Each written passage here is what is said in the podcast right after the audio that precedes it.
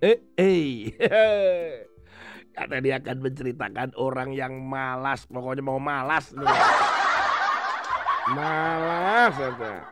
Kali ini Kak Tony akan menceritakan tentang orang yang malas sampai akhirnya ditangkap oleh polisi. Waduh. No. Eh kok no? Iya, Bang ditangkap polisi kok. Dia sampai karena No. ditangkap polisi kok no no aja sih. Ini ceritanya adalah seorang petugas krematorium. Ya. Kalian tahu apa krematorium? Krematorium adalah tempat untuk mengkremasi atau membakar jenazah yang diadakan atau dibuat oleh karena permintaan daripada keluarga supaya jenazah itu dibakar hingga jadi debu. Di setiap kota selalu ada, di Indonesia pun juga ada. Kalau ada jenazah orang yang sudah meninggal, ing- tidak ingin dikubur tetapi ingin dibakar, dijadikan abu, maka bisa datang ke rumah krematorium dan akan dikremasi. Kali ini ada sebuah kisah dari krematorium, rumah tempat kremasi itu. Tepatnya pada tahun 1990, pemilik rumah kremasi ini bernama Ray Brand Mars. Dia adalah pengusaha atau orang yang ada di tempat krematorium ini. Nah, suatu hari di tahun 1990, orang Amerika itu mesin kremasinya untuk membakar itu rusak. Nah, karena saking malasnya, dia tidak mau memperbaiki mesin kremasinya.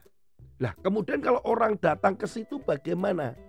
Ingin mengkremasi jenazah keluarganya. Apa yang dilakukan oleh Mars? Ternyata Mars itu malah mengambil jenazah itu dikuburkan di belakang rumahnya. Jadi tidak dibakar karena dia pikir ah males ah aku tidak mau memperbaiki alat krematorium atau apinya atau seperti oven pembakarnya itu. Ah gampang aja. Duh, nah kalau demikian keluarganya ini nanti mendapatkan abunya bagaimana? Wah, itu pertanyaan yang penting sekali itu. Kenapa? Karena abunya kan harus diserahkan kepada pihak keluarga. Ternyata apa yang dilakukan oleh Mars? Eh, dia mengambil debunya beton, dimasukkan ke dalam guci, kemudian diberikan kepada pihak keluarga. Jadi keluarga itu taunya itu adalah abu dari jenazah atau keluarganya. Atau mungkin dia nggak sadar itu. Eh, Tapi selama bertahun-tahun ternyata itu hanya debu atau abunya beton. Ini karena malas Bapak Mars ini ya jadi dia melakukan penipuan. Wah ini orang yang males minta-minta seperti itu ini gara-gara Pak Mars ini bisa masalah ini. Memang akhirnya Pak Mars harus ditangkap oleh polisi. Dan kemudian dibongkarlah rumah krematorium itu dan ternyata ada bau busuk di situ ternyata banyak jenazah-jenazah yang tidak dibakar oleh Pak Mars sehingga Pak Mars harus dihukum 12 tahun penjara gara-gara apa yang dilakukan oleh Pak Mars ini. Dan yang lebih mengejutkan ada 320 jenazah manusia yang sudah membusuk yang tidak dibakar oleh Bapak Mars ini. Waduh, Bapak Mars. Aduh, mengerikan sekali ya. Ini males sekali Bapak Mars ini. Ih, ngomong-ngomong tentang males. Firman Tuhan ini berkata tentang males lagi hari ini. Amsal pasal yang ke-26 ayat yang ke-15. Si pemalas mencelupkan tangannya ke dalam pinggan, tetapi ia terlalu lelah untuk mengembalikannya ke mulutnya. Nah, ayat ini loh berkata bahwa orang malas itu loh mau mencelupkan tangannya ke pinggan itu seperti kayak gelas atau tempat air. Terus kemudian untuk memasukkan ke mulutnya lagi aja, aduh, males dia.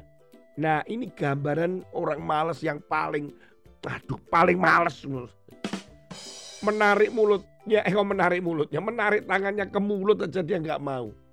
Mintanya dilayani, dilayani, dilayani, dilayani. Ini Pak Mars ini juga gitu, ah tenang aja lah nggak usah ini Tenang aja, yang penting saya dapat duit. Saya nggak perlu memperbaiki mesinnya. Ini males sekali. Ya, jadi kita belajar bahwa orang males itu salah satu ciri satu lagi yaitu apa? Ingin dilayanin. Apa-apa ada di rumahmu, mau makan sudah ada piring, ada nasi, ada lauk. Mau mandi, handuk disediakan. Mau pergi sepatu sudah dipakaikan di kaki, kaos kaki dipasangkan mau pergi diantar sopir, mau ke mana-mana dijaga, disiapin ini, siapin itu. Kemudian mainan, habis mainan ditinggal, tidak di clean up atau tidak dibersihkan. Ada orang yang membersihkan. Baju sudah tinggal ada, ada yang nyuci, bahkan ada yang dimandiin. Jadinya males, karena apa? Ingin dilayani terus. Ayo anak-anak mulai belajar ya. Anak-anaknya Kak Tony juga Kak Tony ajarkan mulai belajar mandiri. Tidak dilayani-layani terus. Kalian juga begitu. Kalian harus belajar untuk melakukan. Mama, saya akan coba untuk melakukan sendiri. Papa, saya mencoba untuk begini sendiri. Saya mau cuci piring sendiri. Saya mau pakai sepatu sendiri. Saya mau mandi sendiri. Saya mau tidur sendiri. Saya wah pokoknya harus belajar untuk mandiri. Jangan minta dilayani-layani terus.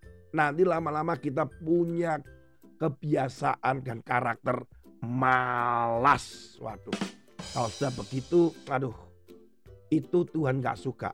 Kita juga sama-sama tidak menjadi dewasa karena jadi orang yang malas. Sampai ketemu lagi dengan Kak Tony. Hai kalian orang-orang yang rajin.